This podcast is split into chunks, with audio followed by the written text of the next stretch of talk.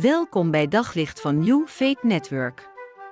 Luister elke dag naar een korte overdenking met inspiratie, bemoediging en wijsheid uit de Bijbel en laat Gods woord jouw hart en gedachten verlichten.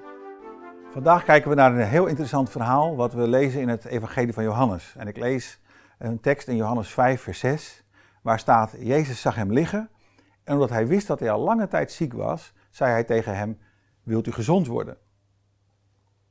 Als je vandaag een wens zou mogen doen, wat zou die wens dan zijn? Stel dat Jezus voorbij zou lopen, wat zou je aan hem willen vragen? Of wat is misschien een vraag waar je al heel lang mee bezig bent? Wat is het gebed van je hart voor een lange tijd? Jezus loopt hier langs een man die langs het water ligt. En uh, in de traditie staat dat dat water één keer per jaar in beweging werd gebracht doordat er een engel naar beneden kwam. En als dat water in beweging werd gebracht, dan was de eerste persoon die in dat water terecht kwam, die werd genezen. Deze man lag daar al voor decennia. 38 jaar staat er zelfs. En Jezus loopt voorbij en vraagt aan die man: Wil je gezond worden? Wil je genezen worden? Als je verder leest in dit verhaal in Johannes, dan ontdek je dat de vraag niet alleen apart is, maar dat het antwoord nog veel aparter is. Want die man die zegt niet ja, dat wil ik. Maar die man die zegt van ja, maar ik ben nooit op tijd bij het water. En hij zegt, en bovendien, ik heb niemand die me helpt. Het gevolg is dat Jezus, die weet dat hij al jaren ziek is, hem toch geneest en dat die man daar genezen vandaan gaat. Maar hoe ingrijpend is het als iemand die jaren ziek is en de vraag krijgt: wat wil je dat, dat ik voor je doe? Het aanbod krijgt om genezen te worden.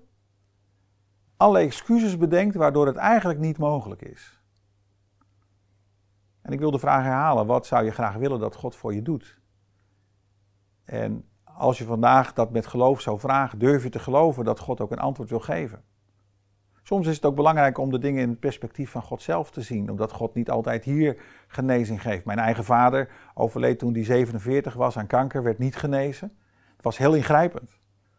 En toch heb ik opnieuw leren geloven dat als Jezus voorbij komt en rechtstreeks aan mij vraagt: wat wil je dat ik voor hem doe, dat ik voor je doe, dat ik geen excuses moet verzinnen waarom het tot nu toe niet gelukt is. Dat ik ook niet moet vasthangen aan: ja, maar ik heb niemand die me helpt. Als Jezus vandaag voorbij komt en hij stelt jou een vraag: wat wil je dat ik voor je doe? En hij wil je ontmoeten. Wat is daarop jouw antwoord? Of verzin je allerlei excuses? Hij komt vandaag voorbij en ik wil die vraag aan je stellen. Maar stel jij je hart open. Best een uitdaging soms. Op zoek naar nog meer geloof, hoop en liefde. Op New Network vind je honderden christelijke films, series en programma's. Nog geen lid?